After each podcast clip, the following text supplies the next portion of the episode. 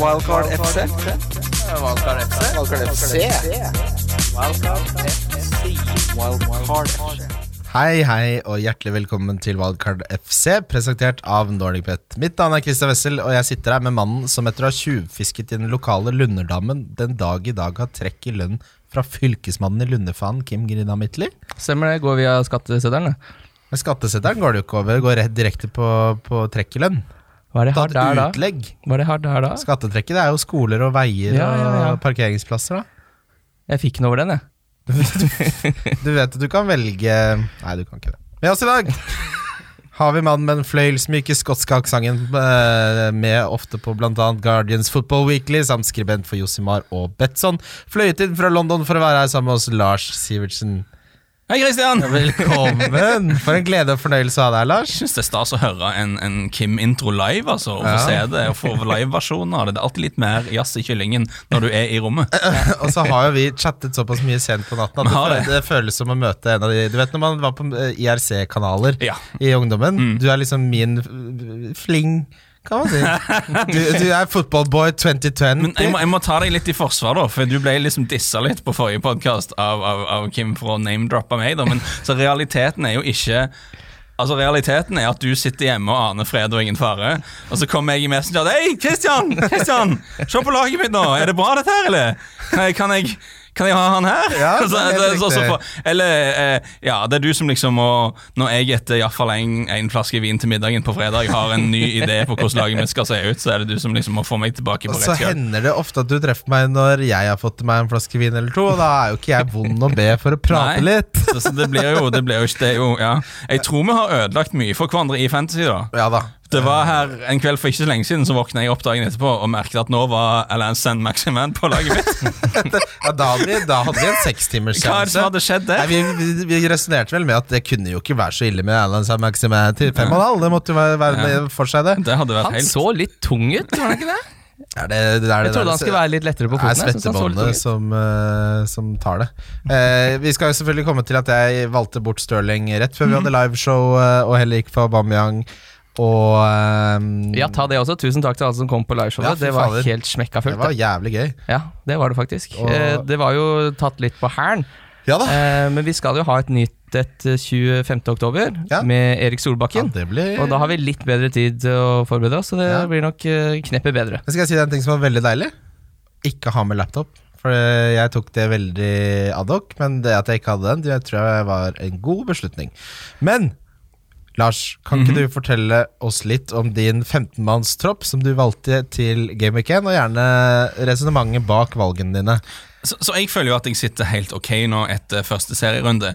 Tatt i betraktning at halve midtbanen min og begge spissene spiller for Bournemouth og Leicester, som skåret totalt null poeng eller null mål denne helgen. Så nå når vi har det i bakhodet, så det å ende på 81 poeng er jo ikke krise. Og det er jo det sånn første serierunde, du tenker jo utrolig mye inn, og du analyserer og du leser altfor mye. Eh, Men fasiten er at du kan jo ikke vinne Du kan ikke redde verden i første serierunde. Det eneste du egentlig sikter på, er jo liksom ikke havne så langt bak at livsgnisten forsvinner fullstendig, og første halvdel av sesongen er ødelagt. Og det gjorde jeg altså ikke. Og jeg er veldig glad for at jeg endte opp med å liksom For jeg var veldig lenge på denne her med at jeg skal ikke ha Sterling, jeg skal heller fri opp litt midler til andre ting. Og så var det etter en samtale med deg, Christian. Ja. At du var sånn, du kan ikke ikke ha Stirling. Så tenkte jeg litt på det, du har jo rett, jeg kan jo ikke ikke ha Stirling. Så jeg endte opp siste, et, En av de siste par dagene da, så endte jeg opp med å bare vrake hele utdraget mitt og alt, alle prinsippene og alt for å endevende ting for å få inn Stirling. Så det var bra. Jeg er glad at du liksom du tenker så klart, at du, du skjønner hva som skjer. Det er du som er eksperten her. Gikk- Han er jo en men, eh, ja. bedre FPL-pundit enn han er en spiller. Ja, det er mer som jeg sier, ikke gjør som jeg gjør, gjør som jeg sier. Når det er sagt, eh, Kim, Mm. vil du vite hvilken plass jeg ligger på i Eliteserien Fantasy i Norge?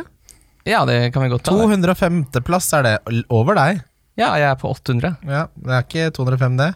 Du leder med ni poeng. Du har oppført deg som eh, du har slått meg, og jeg er egentlig ganske sur på det. Jeg vet det, fordi jeg mobba Christian litt nå i dag, og da Litt. Altså Vi har en guttachat som har bestått nå i, siden VM for to år siden. Som er på en måte mitt ankepunkt i hverdagen. Min trygghet, min stabilitet, min ro, mitt hjem. Og jeg har blitt latterliggjort så til de grad. Du er akkurat som han derre CV Men hvordan, hva, hvordan endte du opp med å gå uten Stirling? Hva var tanken der? Det er jo det som er det gøye. Fordi Totalt sett er jo laget ditt er helt ok, det, men at du Jeg kommer jo bare ni poeng bak deg, og jeg har eh, litt bedre lag enn deg. Nei da. eh, det, Det er vanskelig å få inn for det, Stirling for det jeg helt ærlig tror skjedde, var at eh, det er noe iboende i meg som liker å gjøre ting litt vanskeligere eh, enn det burde være. Og I tillegg så var det et stressmoment i forbindelse med at vi skulle ha livepodkasten, så jeg tror jeg rett og slett ble så stressa at jeg bare Nå må jeg finne tilbake til det vante og ødelegge litt for meg sjæl. For jeg er en ganske selvdestruktiv eh, person. Men hva ble Gameweek-ranken din? Fordi hvis man, uh, hvis man kommer på én million på Gameweek-rank, Ja. så er jo det vanligvis grønn pil. Så hvis du kom innenfor en million den runden her, så har du gjort det veldig bra. Selv om det føles som man ligger litt bak eh, en del i disse miniligaene. Altså, for jeg tapte jo, men jeg, det var litt sånn eh, det var ikke, Jeg henta jo litt inn også, så det var ikke så enorm swing som det kunne vært, i og med at De Bruyne fikk sju. eh, Aubameyang fikk seks, så det var jo en skuffelse. Jeg hadde fått mer poeng med Stirling, men det er ikke enorm forskjell. Fordelen er jo selvfølgelig at jeg er 100 sikker på hvem jeg skal ha som kaptein denne runden. Og det er? Eh, det er Aubameyang. Det fins jo ikke tvil i mitt sinn. Du skal ikke ha Salah? Nei. Nei. Det skal jeg ikke.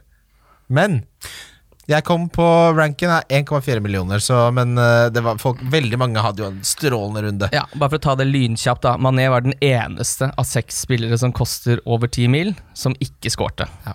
Eh, Så sånn sett veldig lett å få poeng der. Sju av åtte spisser som koster åtte millioner eller mer, skårte eller hadde assist. Jamie Vardy var den eneste i den prisklassen som ikke fikk poeng. Så det var ganske lett å dra seg opp på 70-80 poeng. Det er jo det jeg sitter her og er egentlig fornøyd med sånn som det gikk, men det er jo spesielt i første runde å ta 81 poeng og være nesten nede på en million, liksom. Altså 900 000 plass eller noe sånt. Tror.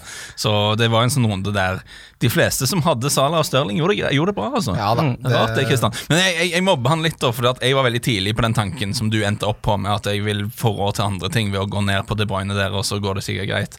Og så klarte du å snakke meg ut av den villfarelsen, da. Akkurat samme Derfor er det magisk, det at, Og da er det helt magisk at du til slutt ender opp med å gå i den fella sjøl, altså. Men uh, som jeg sier til Kim, da, vi får, altså, den Tottenham-kampen til Stirling jeg, jeg, vi, vi får litt se etter runde to hvor jævlig dumt det var. Det er klart, det som jeg står ved, som jeg sa før sesongen starta nå, som er 100 sikkert, er at jeg sparer byttet mitt nå.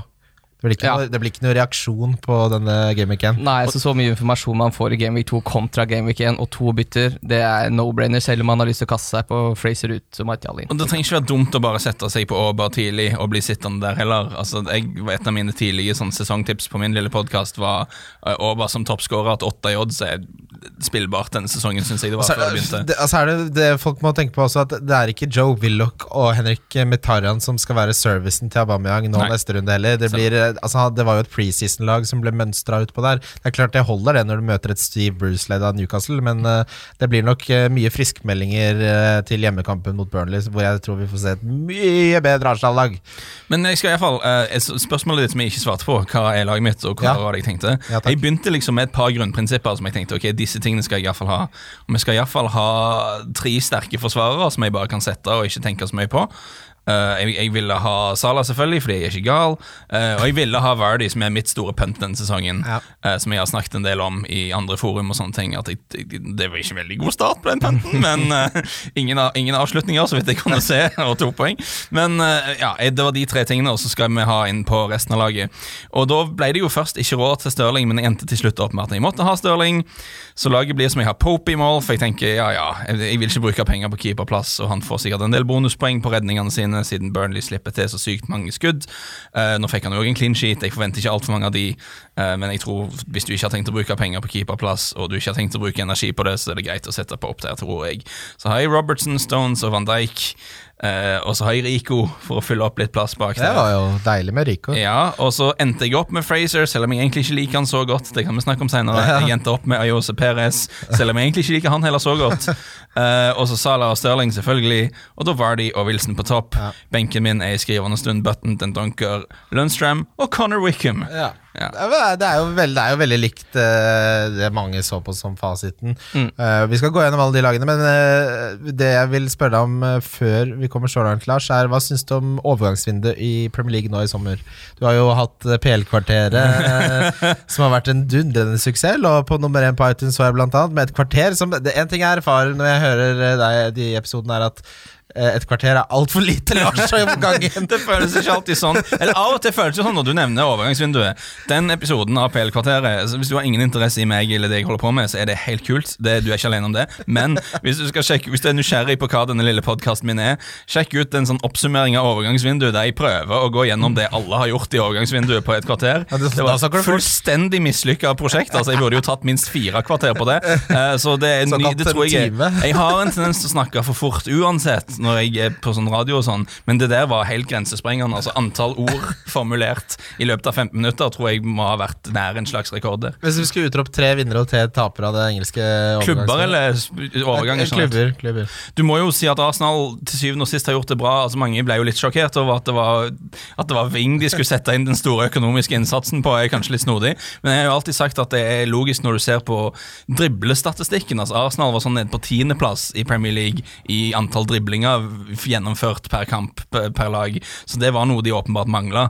Eh, Så, ok, fair enough. Og så når de da til slutt Det var den Louise-overgangen tenker jeg som vipper meg liksom virkelig i favør overgangsvinnere. Jeg skjønner at Louise er sånn mange syns han er en bias, og sånne ting men han har jo nå faktisk spilt ganske mye på lag som har vunnet en del ting. Unai Emery kjenner han og vet hva han får, og du får litt rutine bak der. Så ok, han kommer sikkert til å gjøre ville og merkelige ting, men du får en spiller som bidrar med ganske mye bra òg. Og du har Tierney, som er et bra punt på venstreback. Eh, Ceballos kan bidra, det er litt synd det ikke er noen sånn kjøpsklausul eller noe sånt der, men jeg- Ceballos har mye bra i seg. Så jeg syns Arsenal har Altså Definisjonen av å vinne overgangsmarkedet vet vi jo ikke før det har gått en, en halv sesong, eller noe sånt, men de har iallfall dekka en del av de behovene vi visste de hadde.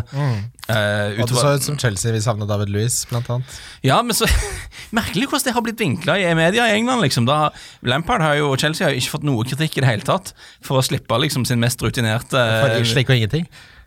Helt på når de ikke har sjanse til å erstatte han. Eh, og, og, og igjen jeg skjønner at altså, Louise, det er noe med at han ser løyen ut, og når han gjør tabber, så ser det jo Han gjør så rare tabber. Og det, ok, Men nå har du en spiller som spiller vel, spilte vel hvert minutt for de i serien i fjor, eller noe. når de strengt tatt ender på tredjeplass med det tredje beste defensive statistikken i ligaen, de vinner Europaligaen, så slipper de han, og så gjør, gjør de en kamp mot United der de ikke henger sammen defensivt i det hele tatt. Da er det spesielt at det ikke blir nevnt.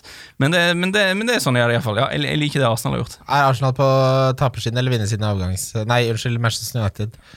Oh, jeg vil jo si nesten så vidt på tapersiden. Selv med dere nå, Det er lett å få sånn recency bias og tenke at siden de moste Chelsea, så er alt bra.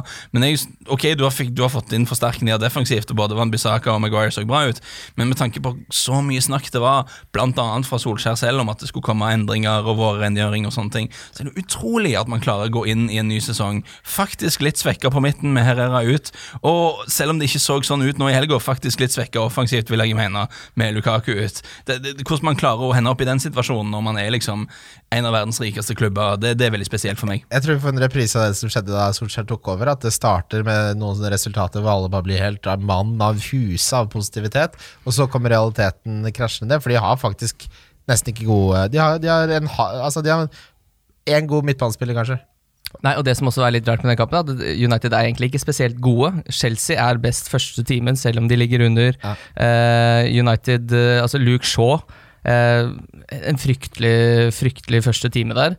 Eh, jeg syns egentlig gameplanen til Lampard eh, Han traff bedre med taktikken enn det Solskjær gjorde. Men eh, så det er jo utrolig vondt for dem å stikke derfra med 0-4, for det er jo et voldsomt eh, eh, Det er et voldsomt resultat. Men det som er en liten sånn vindication for Solskjær i den kampen, selv om jeg er helt enig i den analysen, er at de tar de på farten nå. Og det har jo vært en av satset på. kjernetankene til Solskjær siden han tok over. Han tok over i, i fjor, i, i desember, og det første han gjør, inn med de raske gutta på topp. Vi skal ha Rashford, Marcial og Lingard. Spring, spring. Ballen fram, angrip raskt, ta de på farta. Og, og så ble Lingard skada, og det var faktisk et problem for han, så rart som det kan høres ut. Men, men nå er vi tilbake her, og du stiller opp med de tre, og du har Dan James som kan komme inn som er enda raskere. Og, og, og det er et sånn Uansett hva du gjør i fotballen, hvis du har spillere som er enormt raske og ikke er helt håpløse, så vil du skape mye hekkan for de fleste motstanderne. Altså, I hvert fall mot et usikkert forsvar. ja, og i hvert mot når du har sånn Kovacic og Jorginho på midten, som ikke er verdensmester i press, liksom, så Pogba får gå upressa en del på midten der og prikke inn pasninger. Så det, og Jeg er heller ikke helt solgt på Prosjekt Solskjær akkurat nå, men, men akkurat det med å fylle laget med raske folk, det vil, det vil hjelpe de i en del kamper, da, uansett hva ting går sånn ellers. Det var veldig å se, gøy å se Daniel James sin scoring, for der var det mye følelser. Og hvor mye det betød for han og de andre gutta, alle som samler seg rundt han. Da, sånn liker jeg. Ja. Synes jeg. Det er det som er fint med fotball. Mm, Syns jeg også Van Bissaka så veldig veldig Faen, god han ut. Han, Han Han god. klarer ikke å miste ballen, han. Ehm, vi har i samarbeid med NordicBet noen tripler hver eh, runde, som blir boosta i odds, Kim. Det har jeg. min, eller? Ja, ta din først, for Jeg jeg, har- ikke min. jeg. Troen på at Everton eh, slår et eh, det laget som skuffet mest i runde én, altså Botford, de tror jeg de slår på hjemmebane. Eh, jeg tror Liverpool slår Southampton, som også startet svakt, syns jeg. Og jeg har troen på at Leicester slår Chelsea på bortebane. Eh, den er 12,76 i odds. Det blir havner vel på noe ja, 15, 15 Ja, for du har ikke fått ut dine. Min ligger ute, ser jeg. Skal vi se. De prioriterer din, vet du, for de vet at den uh, ikke går inn. Det er helt riktig. Jeg har Aston Villa hjemme mot Bournemouth. Syns Aston Villa så øh, brukbar ut. jeg. Eh, Bournemouth syns jeg var skikkelig tamme. Veldig u utypisk Bournemouth å spille så Det var, så lite disjointed. Ja, som de sier på ballet. ja, hva var det Wilson hadde første omgang der? Ikke noen skam kamper Nei, ikke noe sjanser skapt. Eh, det eneste han hadde gjort som egentlig var bemerkelsesverdig, var at han mista ballen tolv ganger. Det var helt utrolig. Helt utrolig. Eh, altså, ja, så Aston Villa over Bournemouth, og så har jeg eh, Brighton over Westham. Oi. Og så har jeg eh, dessverre Norwich over Newcastle. Ja, det, det, jeg ser, det, det, er en mer, det er en mer eksotisk Interessant. Det er en eh, 17-oddser. Kim, Kim har rett og slett uh, lykkes fryktelig sånn- godt på oddsen uh, det siste halve året. Ja, det er sånn, det er jo litt sånn Andrews Townsend over dere begge. da altså, Det er skudd ifra distanse, men så blir det ganske nice når de går inn. Ja. Ja, det er gøy å prøve litt, uh, som vi sier her i podkasten. Jeg er jo litt i motsatt ende. Altså, jeg eh, har tidlig i uken for slikt ennå, men det, det tipset jeg lanserte på, på dagens episode av Pelekvarteret om Manchester United, som jeg la ut tidligere i dag, der la jeg inn da at ok, til helgen så liker jeg Altså Brighton skal ta imot Westham. Brighton, som nå spiller mer offensivt under, eh, under eh, herr Potter, og som, som som regel var nokså pålitelige til å skåre mål på hjemmebane uansett, skal møte Westham. Jeg tror ikke vi lærte noe om Westham i den City-kampen, fordi jeg tror ikke vi kommer til å lære om noen som spiller mot City. Vi jeg- lærte at Wilshere mista beina, kanskje? ja, kanskje. Så, men jo, men jeg tror det angrepet Jeg synes Sebastian Aller faktisk tross alt så jeg hadde et par bra toucher. Jeg tror det angrepet deres skal bli bra. Så jeg liker enten overspill eller begge lag skårer der. Begge lag skårer står til 1,80. Overspillet så jeg var helt opp, altså over 2,5 var helt opp i 2,08. Det syns jeg, er- det synes jeg er mer i odds enn det bør være der. Jeg er litt redd for 1-1, men eh, over 2,5 eller begge lag skårer i eh, Brighton Westham liker jeg veldig godt. Ja. Deilig. Eh, vi skal gå selvfølgelig da Vi har en åpen liga, den finner du på Twitter. Der er det bare å bli med. Du kan vinne en fotballtur neste sesong med fly og hotell inkludert. Men eh, det som er nytt eh, denne sesongen, Kim, det er at jeg holder styr på rundens spillere. ja, så gøy. Eh, så eh, vil du Jeg skal ta og gå gjennom de du valgte. Du mm. valgte kaptein Salah, det gjorde vi begge. Det ble jo tolv poeng. Du, din diff, det var rett og slett Troy Dini. Ja, Liten ja. Kimme-variant der. ja, det var ikke så bra, det. Nei, det ble jo som det ble. Eh, din billigspiller var Rico, som eh, selv om han ikke fikk så mye poeng, eh, så viser han Jeg tror han er en ja, han, var, han er en godt valg til en firemillioners Nei, forsvarsspiller. Han startet på bekken der, spilte hele kampen. Eh, gjorde seg ikke bort. Donken din var king. Han slo corner også. Rico Ja. slo faktisk corner på, fra venstre. Han er jo en natural venstreback, så skulle jo tro han skulle få sjansen her. Duncan Eva Kings, det er jo en ryddig slagrunde for deg. Ja. Eh, for meg så var det kaptein Salah. Differential var Tilemans, som ikke lykkes så veldig. Han fikk skulle Skulle hatt en assist der. Han fikk ett poeng mer enn deg da på Dini, og min billigspiller var Joe Linton. Det lykkes jo ikke. Han fikk ikke noe service. Og Donkey min var også king, så det er 14 poeng på begge. Ja. Ja, så, Men det kommer vi til å fortsette med hele sesongen. Der, du og Jonas sa bl.a. at Watford kom til å høvle over et naivt Potter-lag. Det skjedde ikke. Jeg, jeg ville òg tenkt i den retningen. Jeg, jeg er sånn Når man, skal, når man skal vurdere Brighton denne sesongen, så blir det veldig sånn hode mot hjerte. da. For I min første utgave av tabelltips hadde jeg de på nedrykk. For jeg tenker at ok, Graham Potter fra, vi, som kommer via Østersund og Swansea, skal lære disse her eh, Louis eh, Dunk og Duffy og trille ballen ut bakfra. liksom. Det kan jo ikke bli noe annet enn katastrofe. Men samtidig så hadde det jo vært fantastisk om det gikk bra. Om Brighton kan bli sånn artig, finspillende lag der nede på Amex Arena, vakre Amex Arena på sørkysten. Flott plass å se fotball hvis du har anledning til å dra dit. Eh, Så jeg håper jo det går bra for dem. Så jeg justerte faktisk det tabelltipset inn og tenkte nå får vi være litt, vi får ha litt tro her. Så, men, men du har rett, de var litt heldige i den kampen. Ja, det, det, var, det var noen lag som var litt heldige, blant annet eh, Brighton. Ja. Og Jeg satt jo med Kiko, han hadde jo tredje høyest expected eh, assist der. Han hadde jo to stykker som burde gitt assist, men sånn Sånn er det Sånn, er det å sitte på sånn er det å eie Kiko, du vet aldri helt hva du får. Nei, og så er det jo litt sånn Det var, det var den dagen for Watford, så da, da ville det seg ikke. Tenne lys for alle som hopper på Delofeu, da. Det var ikke vellykka. Å, fy Nei, fader, ikke det- spilt han det spiss. Toget der er det bare å slette ruta til. Ass. Slett appen. Ja, at når Kast billetten. Der er det. Han Men, jo- men er vel, men du skal egentlig sitte stille i båten nå tidlig byttemessig, men der er det rett på hittegodskontoret hvis du er liksom Hvis du må gjøre noen manøvrer for å få han vekk. Men han eh, Ismail Azar, som spilte for Rennes forrige sesong og spilte 50 kamper på en sesong, han hadde 11 goller og 13 assist. Han er jo kun 19, vel. Han kosta 40 millioner pund. Eh, han skal vel på sikt ta, være litt tryggere kort enn Delofeu, som er en sånn Det kommer aldri til å Altså, han glimter til, men ikke la deg lure. Men, men nå er er, ut i det jeg har sett han, jeg har sett han litt for en uh, Ismail Azar er mye samme typen da som Delefeu, i at han er en sånn tøysevingspiss som av og til gjør helt geniale ting, men det er aldri helt så stødig som det burde ha vært ut ifra egenskapene han åpenbart har. Så spen spenstig at Watford har begge de to. uh, det minner litt om når Westham gikk inn for å hente De hadde Arnautovic, så henta de uh, sånn Filipe Andersson og Jarmolenko. Liksom masse sånne variable sånne angrepere som av og til er gode. De vinner 7-0 når de har dagen, da. Når alt klikker. Mm. Uh, Beklager til Westham-fans, må jeg si. Filipe Andersson ikke så humørsyk som jeg trodde han skulle bli. Har jobba en del defensivt, Filipe Andersson. Jeg har blitt korrigert for dette på Twitter før. Jeg har kategorisert han litt som en sånn tøyseving i hodet mitt, men han gjør faktisk en del jobb. Han jobber litt defensivt. Eh, Kanskje sånn. han har en god innflytelse på Alan Sandberg Sim også.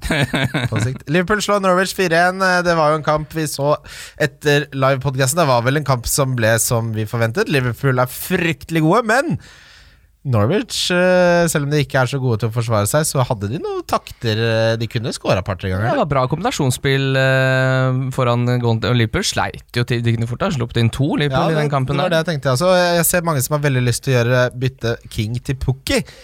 Er vel litt tidlig, men jeg kan se Jeg kan se på en måte fristelsen ved Pukki. Lukter litt Pukki-goal mot eh, Newcastle, gjør det ikke det? Ja, kan fort bli en Pukki-goal der. Ja, det er ikke, det er ikke helt eh, Men altså, jeg, sagt, Men jeg sier ikke at jeg vil ha han. eh, spar bytte for guds skyld. Med mindre du sitter med Delefeu. Jeg, jeg, jeg, så, jeg satt faktisk på eh, tribunen i, i Helsinki og så Pukki spille for HJK Helsinki med en speider back in the day, og vi konkluderte med at han var ikke så bra. Så det var jo vel eh, hva, hva, bidrar, hva kommer han egentlig med til festen, var det vi tenkte. Og målet er jo tydeligvis svaret der, da viste det seg. Men han har hatt en litt snirklete vei til toppen. Pukki har. Ja. Men jeg, jeg likte det målet. Altså, det målet er sånn som får, gjør at du får litt tro på at det skal komme mer der. For du, okay, Pukki er en sånn fyr, Han stryker øyetesten veldig, da, for han ser jo ikke rask ut, han ser ikke sterk ut, han er ikke så bra med ballen, og du begynner å lure på hva i all verden han holder på med. Men måten han timer det løpet der, selvtilliten, selv i en kamp der de får bank, så har han selvtillit på å bare avslutte med en gang. Eh, jeg tror Bielsas antalte Pukki som en spiller som er litt utypisk for engelsk fotball, i at eh, egenskapene hans er litt subtile, eller noe sånt, tror jeg det var Bielsa sa. Noe litt sånn mystisk, så på den måten Bielsa ofte snakker. Men han har noe sånn løp og måten han timer ting på, hvor han dukker opp og sånn. Jeg tror, jeg, jeg, tror kanskje det kan være noe der, altså. Ja, eh, det, jeg kan si av eh, Liverpool-spillerne jeg valgte Jeg hadde ikke sett for meg at Origi var den som skulle komme unna denne kampen med tre bonus. eh, men for de som spilte på han, bra. Det, det, klokka tikker for når du må bytte han ut. Men du fikk jo denne ene runden her, i hvert fall. Ja, og så Eh, fikk de jo de som eh, litt sånn hodeløst, vil jeg si, gikk med bare to Liverpool-spillere fra start. De har jo fått en liten gavepakke i Adrian til fire-fem bak der, som som vi som har tre, ikke har noen mulighet til å hoppe på. ja, er Så er jo spørsmålet da, hvor mye svekker det Liverpool-forsvarerne? Jeg kommer til å sitte med de to jeg har uansett. Altså det, de slipper ikke til mye skudd uansett. Men i den kampen så var jo det jeg føler at jeg har valgt feil back der, altså.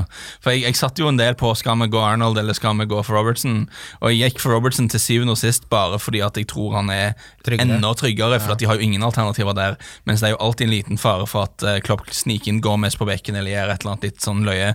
Men jeg bare synes det var, de spilte mye mer ned den flanken til, til Arnold. Han var mye mer uh, involvert i det offensive. Så hele poenget mitt må Altså Hele poenget til ganske mange som hører på, tror jeg må ha det, er at du vil jo bare sette det og ikke tenke på det.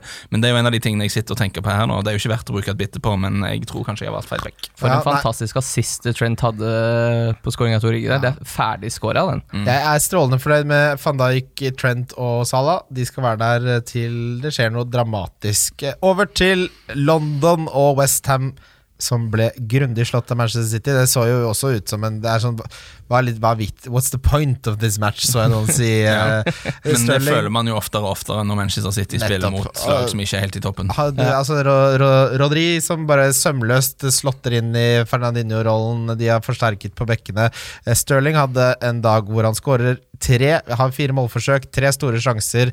Ingen sjanser skapt, men da fire skudd, hvorav alle er innenfor boksen.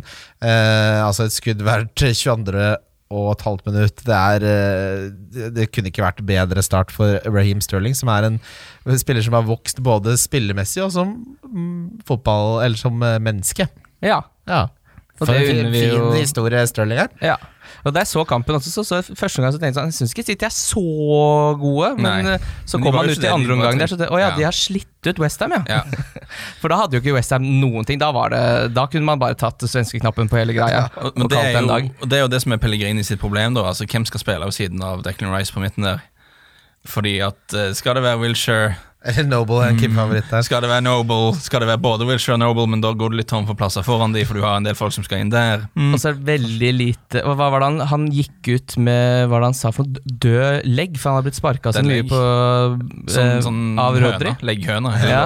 Ja, Ja, det, folk kan En være ute i flere. Folk kan Han gikk ut med høna. gikk ut med høne. Eh, folk kan være ute i flere uker pga. dead leg. Mm. Ja. Var det Wilshere, sa jeg? Ja, det er. Da kommer Noble tilbake. Det. Folk disser Noble-forslaget, men her kommer han. Han skal inn igjen. Han skal ta alle straffene som Haller får når folk river han i feltet. og det var generelt lite pondus på den midtbanen. Også Melanzini, Wilshere, som egentlig er litt sånn eh, et halvt sekund for seint overalt. Det var jo, Den midtbanen hang ikke på greip. Men ikke sant, det Westham-laget det, det er ikke noe vits å bedømme de på så mye på, mot City. Han eh, som du snakket om, han spissen Haller Ja. eh, Uh, Han eh, tror jeg ikke kan bli så fryktelig dum.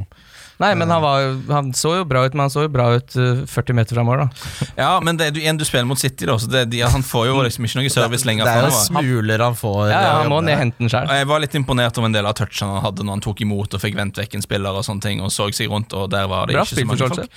Eh, var... Så, og så synes jeg da, det, litt, det har ingenting med FPL å gjøre, kanskje, men det er litt godt fælt å se Antonio rave rundt der fortsatt. Og det er liksom sånn, Westham, Moderne Westham, du vet et par ting. Uansett hvem de henter, så ender Noble opp med å spille på et eller annet tidspunkt, fordi alle andre dauer eller han kommer inn i laget. Og så kommer Antonio til å fortsette å rave rundt og være nyttig på en eller annen måte. Sånn høyreback slash venstre ving. Bytter, by, by, på litt. Uh, ingen overras store overraskelser i forsvaret til uh, Manchester City. Det som var Den store overraskelsen var jo at Bernardo Silva var benket. Mm. Og at Mares kommer inn og har tre assist, skaper fire sjanser i den kampen. Det er klart hadde Mares uh, det, Men det er umulig å du kan, Bernardo Silva starter mest sannsynlig neste. Det, du kan ikke Men jeg ville jo ikke våget å være på noen av de. Nei, nei, Eh, det er jo nei, det som er litt frustrerende, for hvis du ser på tallene, så var det en veldig bra kamp av Mares.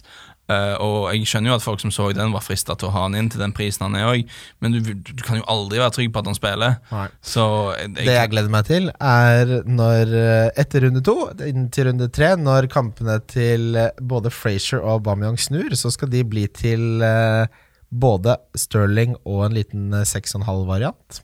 Da får jeg både Sterling og Kevin De Bruyne og Salah. Da blir jeg fornøyd. Oh, men hvem hvem av de skal du ha? Hvem av seks og halvannen? Ja, det, endelig, Heldigvis har jeg en runde til på å se på uh, det. Um, så kommer vi da til uh, Bournemouth Sheffield United. Sheffield United som er, var veldig kult å se de i Premier League. Bournemouth var veldig dårlig offensivt her. Eh, Joshua King hadde altså expected goals og assist lagt sammen på 0,04. Han var forferdelig dårlig. Det er bare å det det Vi blir alltid lurt av Joshua King. Alltid. Mm. Han er lille gutten fra Romsås. Men det var jo et, et, et lag som ikke så bra ut i det hele tatt. Altså det, det er vanskelig å liksom ta noe fra den kampen der, for de så ut som de var helt off. Uh, de, kan, at de, de kommer ikke til å ha en like dårlig prestasjon mot uh, Aston Villa. Så, håper jeg i hvert fall, for jeg kommer ikke til å gjøre noen bytter. Jeg veld, men jeg er veldig glad jeg ikke endte opp med både Wilson og Frazier, Fordi da hadde jeg faktisk begynt å lure litt. Fordi de kommer nok til å gå ned i pris ganske kjapt hvis det ikke går bra mot Aston Villa. Da må du, har du to stykker du må få ut. Altså Hvis du bytter ut spilleren som hadde skapte flest store sjanser forrige sesong, før han møter et nyopprykket Villa, da er du dum i hodet. Du kan ikke holde på sånn. Du må gi dem en sjanse til. Etter det så må du gjerne bytte ut, for da snur kampprogrammet og hvis du fortsatt ikke har troen, men nå er det altfor tidlig. Ja, Aston Villa kommer vel til å stille med litt mer offensive backer i den eh, kampen Ja. her også, så det er muligheter. Vi kommer veldig tilbake til Gilbert-gate eh, etterpå, som vi, vi har aldri fått så mange spørsmål om det samme før noensinne. Eh, men eh, Lundstrand Men, var ja, jo vi må, vi må, we, have, we need to talk about uh, Lundstrand. Ja. For jeg, jeg skjønner fortsatt ikke uh, hvorfor han er klassifisert som forsvarsspiller i Fantasy. Jeg tror de var litt lei oppe i FPL. Ja, de var bare fullstendig YOLO. Ja, det, på, det, var, det er sånn type fredag ettermiddag klokka fem. Ja. Nå er det pub. Ja, er- Vi har sett, sett han som et eller annet. Han har jo aldri, han har jo aldri.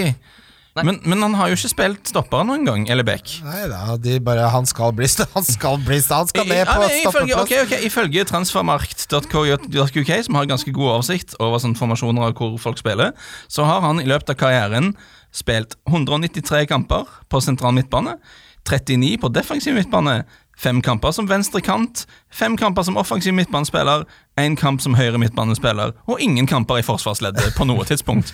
Hvorfor er han en forsvarsspiller i Fantasy? Hva er det som skjer? det, var, det var rett og slett vikar på jobb i prissettingen der. Eh, han skapte like mange sjanser eh, som Kevin De Bruyne, han med to store sjanser skapt.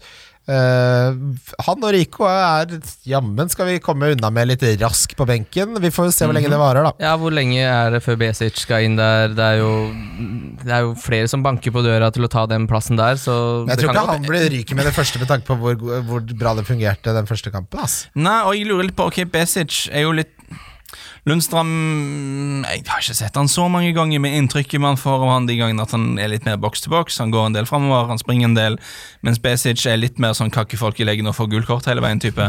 uh, og Chris Wilder, manageren, har en ganske sånn uh, komplisert måte å spille på. Som, det har vært mye snakk om det. Jeg vet ikke om det har liksom, tre, gjennomtrengt mediehverdagen her, da, men det har vært ganske mye snakk om Chris Wilder og hans overlappende midtstoppere i England fram til Vi var inne på det så vidt med Marius Det, det er jo et litt sånn syrete system da Han spiller med trebackslinjer Der sidebackene har lov å gå frem og, Beklager, midtstopperne kan ta lov å gå frem og skape overtall og sånne ting. Og det har forvirret ganske mange eksperter bort i England For det er ikke noe vi er vant til å se. Men jeg bare tenker at hvis du har en manager som er vant Til å ha et ganske spesifikt taktisk opplegg Og han har en Lundstrøm som har spilt eh, Som, han, som har spilt der eh, ja, Han var, var en del skada i fjor Men uansett som er der i klubben Kan systemet Kanskje man da vegrer seg litt for å liksom, eh, han, eh, sette han på benken for å få inn en litt sånn taklingsglad bosnier i samme plassen. Altså det, Jeg, jeg, jeg, har troen på at dette kan bli et eventyr med lærkula. Uh, Burnley slår Southampton 3-0. Ashley Barnes eh, dro, altså, Hør på disse tallene her. Eh, Han har, eh, altså, siden han kom til Premier League, så har han blitt bedre hver eneste sesong. Både med tanke på antall mål, med tanke på alle underliggende stats. Nå mot Southampton så hadde han eh, fire målforsøk, hvorav alle var innenfor boksen. Han skårer jo selvfølgelig på to av de, eh, hvorav en av de var en stor sjanse. Og jeg er frista av Mr. Meat and Potatoes til runde Altså det, det kan godt være han jeg nedgraderer Aubameyang til for å få en Stirling for Frazier.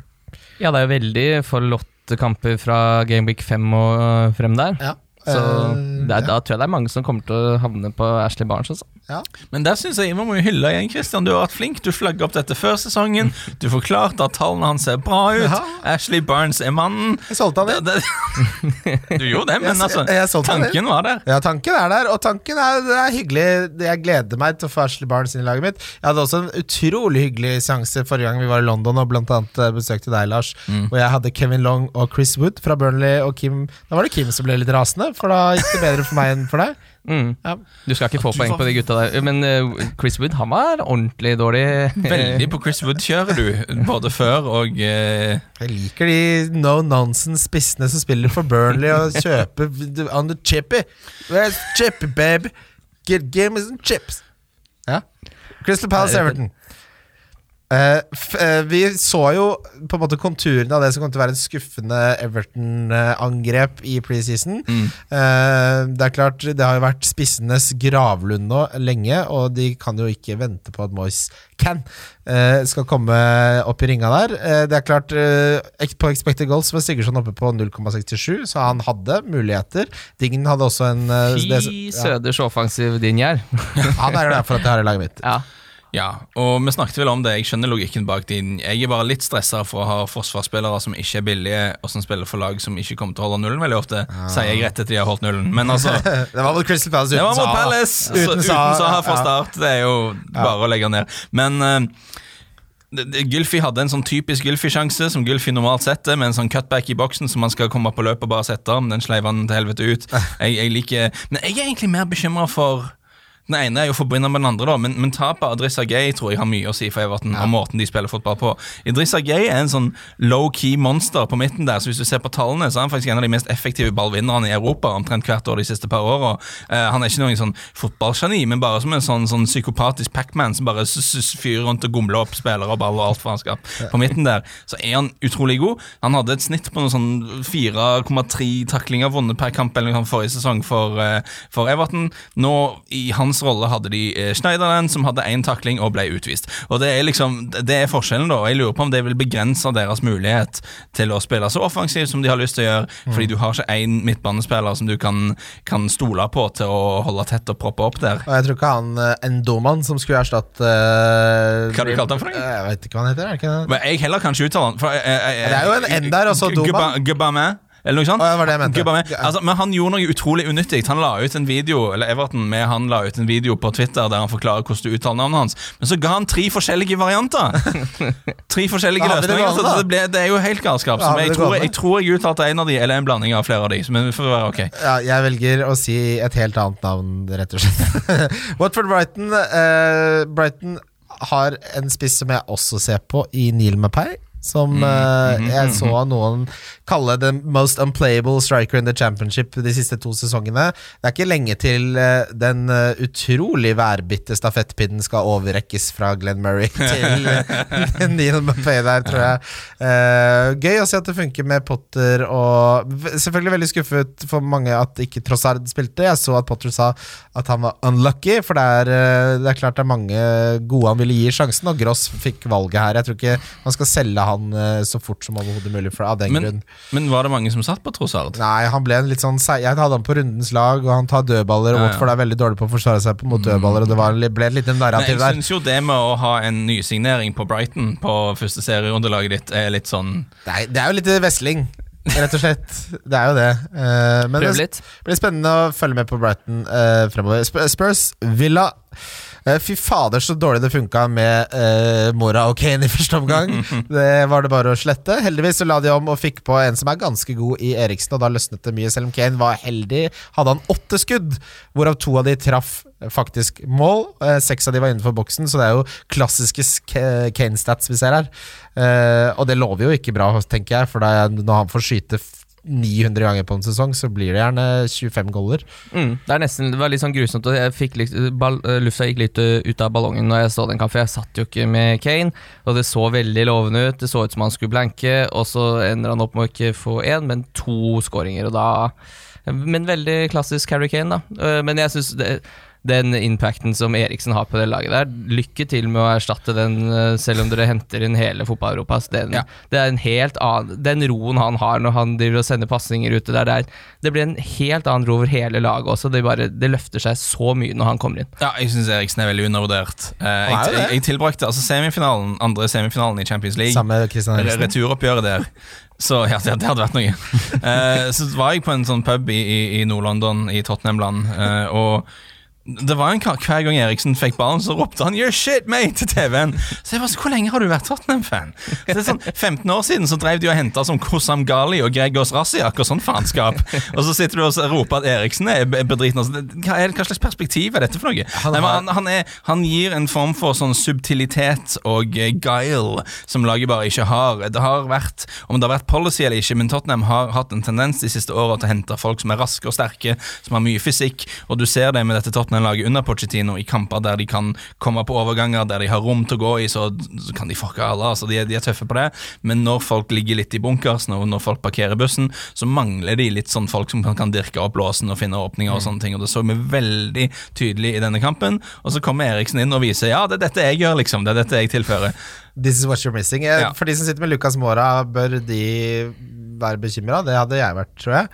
Jeg tror uh, kroken er faretruende nær å henge på døra veldig snart. Og så er det jo City selvfølgelig de møter neste. Det er klart han kan være god Nei, han er- kommer ikke til å være god Jeg tror ikke han overlever at Son kommer tilbake fra karantene. det tror ikke jeg heller. Jeg tror ikke det heller. Uh, han ble Han har blitt på litt sånn cruelly sammenligna med en sånn, sånn brasiliansk Walcott-type. Ja. Og Det er kanskje mest for at han er veldig rask og litt tøysete, men han har, han har litt samme funksjon i laget. At han er en fyr som er nyttig å hive innpå hvis du vil ha litt fart der. Men, han har, men i likhet da med Walcott i hele sin karriere, så føler jeg liksom ikke Lucas enda har klart å overbevise Pochettino om at han virkelig er en fyr å satse på fra start. Nei, altså Når du redder eh, semifinalen og blir droppa til finalen etter å ha skåret det Men- men sykeste det, altså. så er, det blir ikke mer Han gir deg tempo og X-faktor og sånne Ja. ting, men du kan ikke stole på at du, du får noe hver uke fra han. Skal man hive seg rundt og hente Kane uh, selv for et hit? Svaret mitt blir nei, men uh, jeg vet ikke om det, noen av dere er uenig. Eh, Ikke nå for City. Nei, jeg synes ikke Nei, det. vente. Men jeg synes han Joel McGinn synes jeg så helt rå ut. Ja, han til 5-5. Han, Han tror skulle hatt en voldsom straffe også. verdi. Ja. Skulle hatt en Ja, straff også. en voldsom verdi i han med det kampprogrammet til Aston Villa, så jeg tror kanskje han kan bli Ja. altså, er ikke enig. Nei, men jeg, nei, jeg blir bare litt sånn Jeg husker jeg satt på en eller annen pod eller noe og lo rått over at noen var linka til John McGinn. Jeg tror det var Når det var sånn United linka til John McGinn for 50 Sir millioner eller Alex sånn. Ferguson anbefalte jo han som den spilleren Manchester United burde hente. Ja, da, da, da tror jeg, jeg, tror, jeg tror jeg satt og hånla og lo på en eller annen podkast om dette.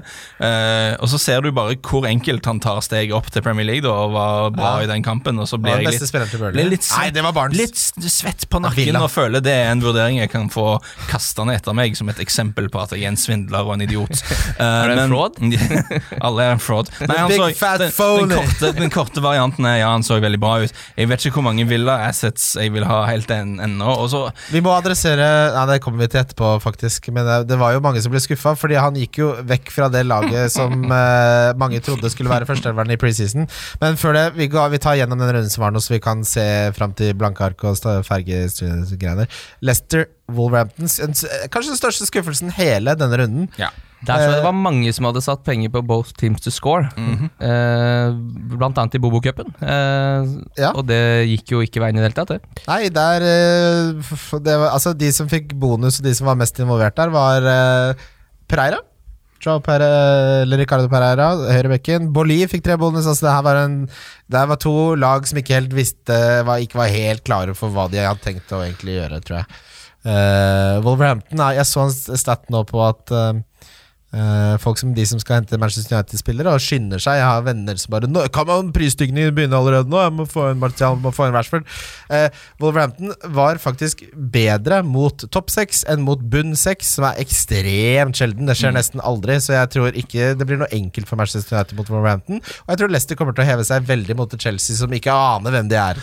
Men jeg er litt skuffa over Leicester, som jeg har uh, veldig store forhåpninger for denne sesongen, egentlig, uh, som spiller mot Wolverhampton som har vært i Armenia for et par dager siden, og har en, en slags eh, bortetur hjem der for at de ikke klarer å straffe dem litt mer på at de har den turen i kroppen. For Wolves overraska og stilte et skikkelig sterkt mannskap i tidlig Europaliga-kvalik, syns jeg var litt spesielt, men det gjorde de iallfall, så hele gjengen kom tilbake fra Armenia.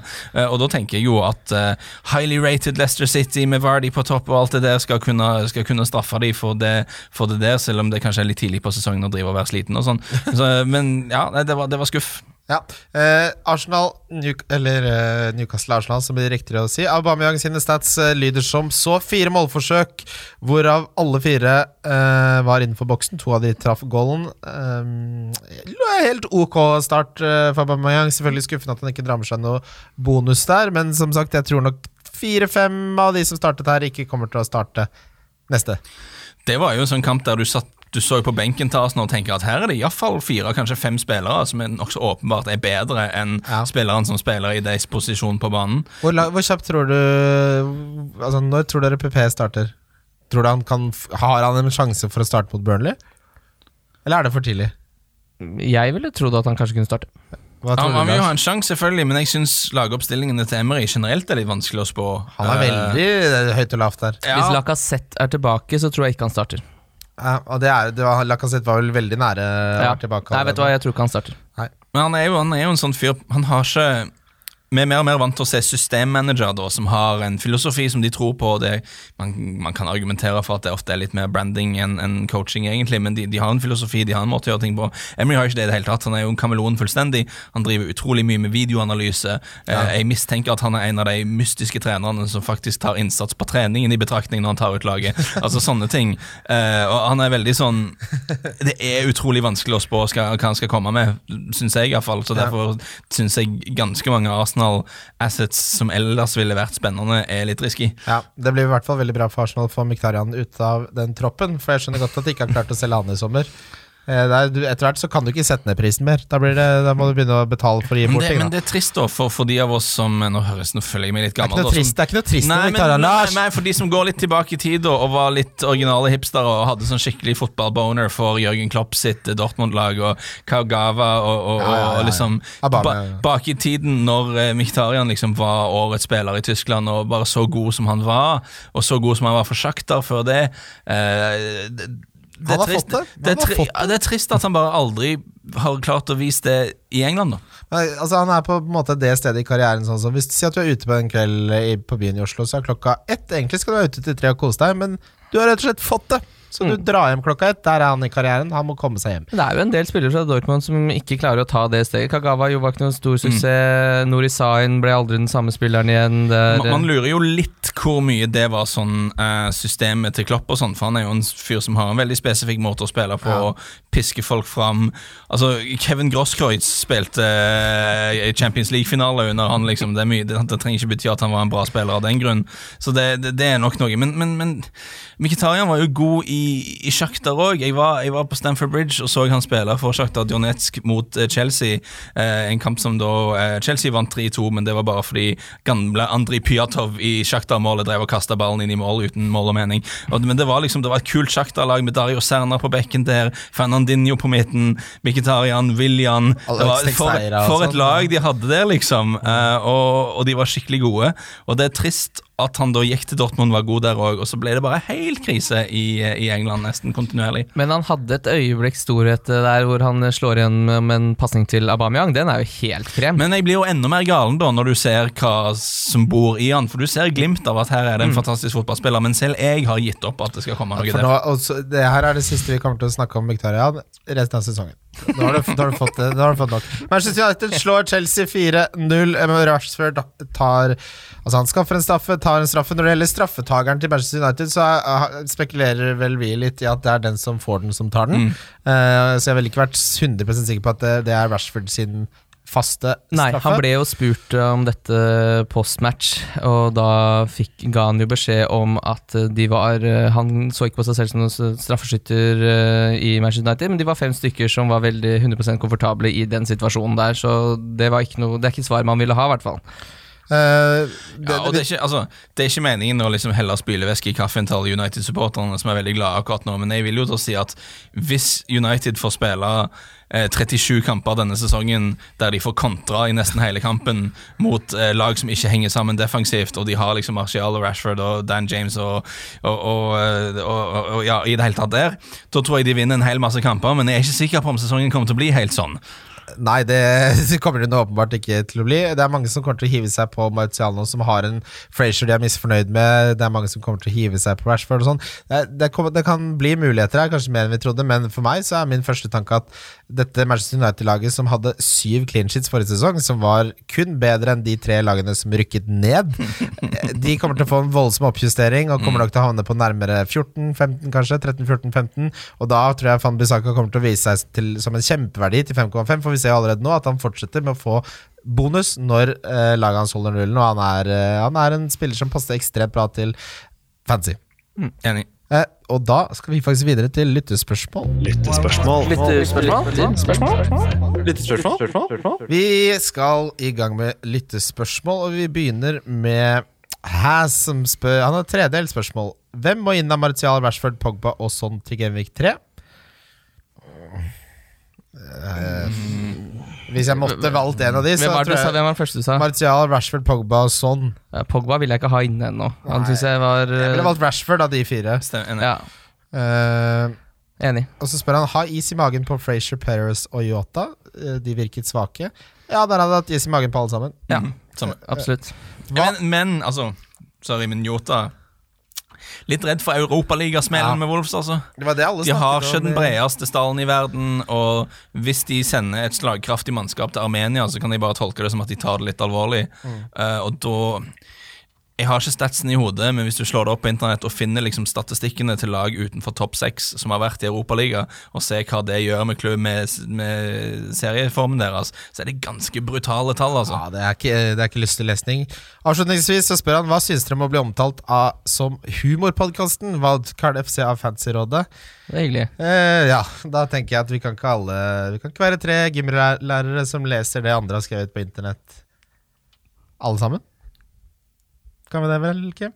Uh, nei, jeg syns ikke det. Uh, det er knallhardt. Yikes!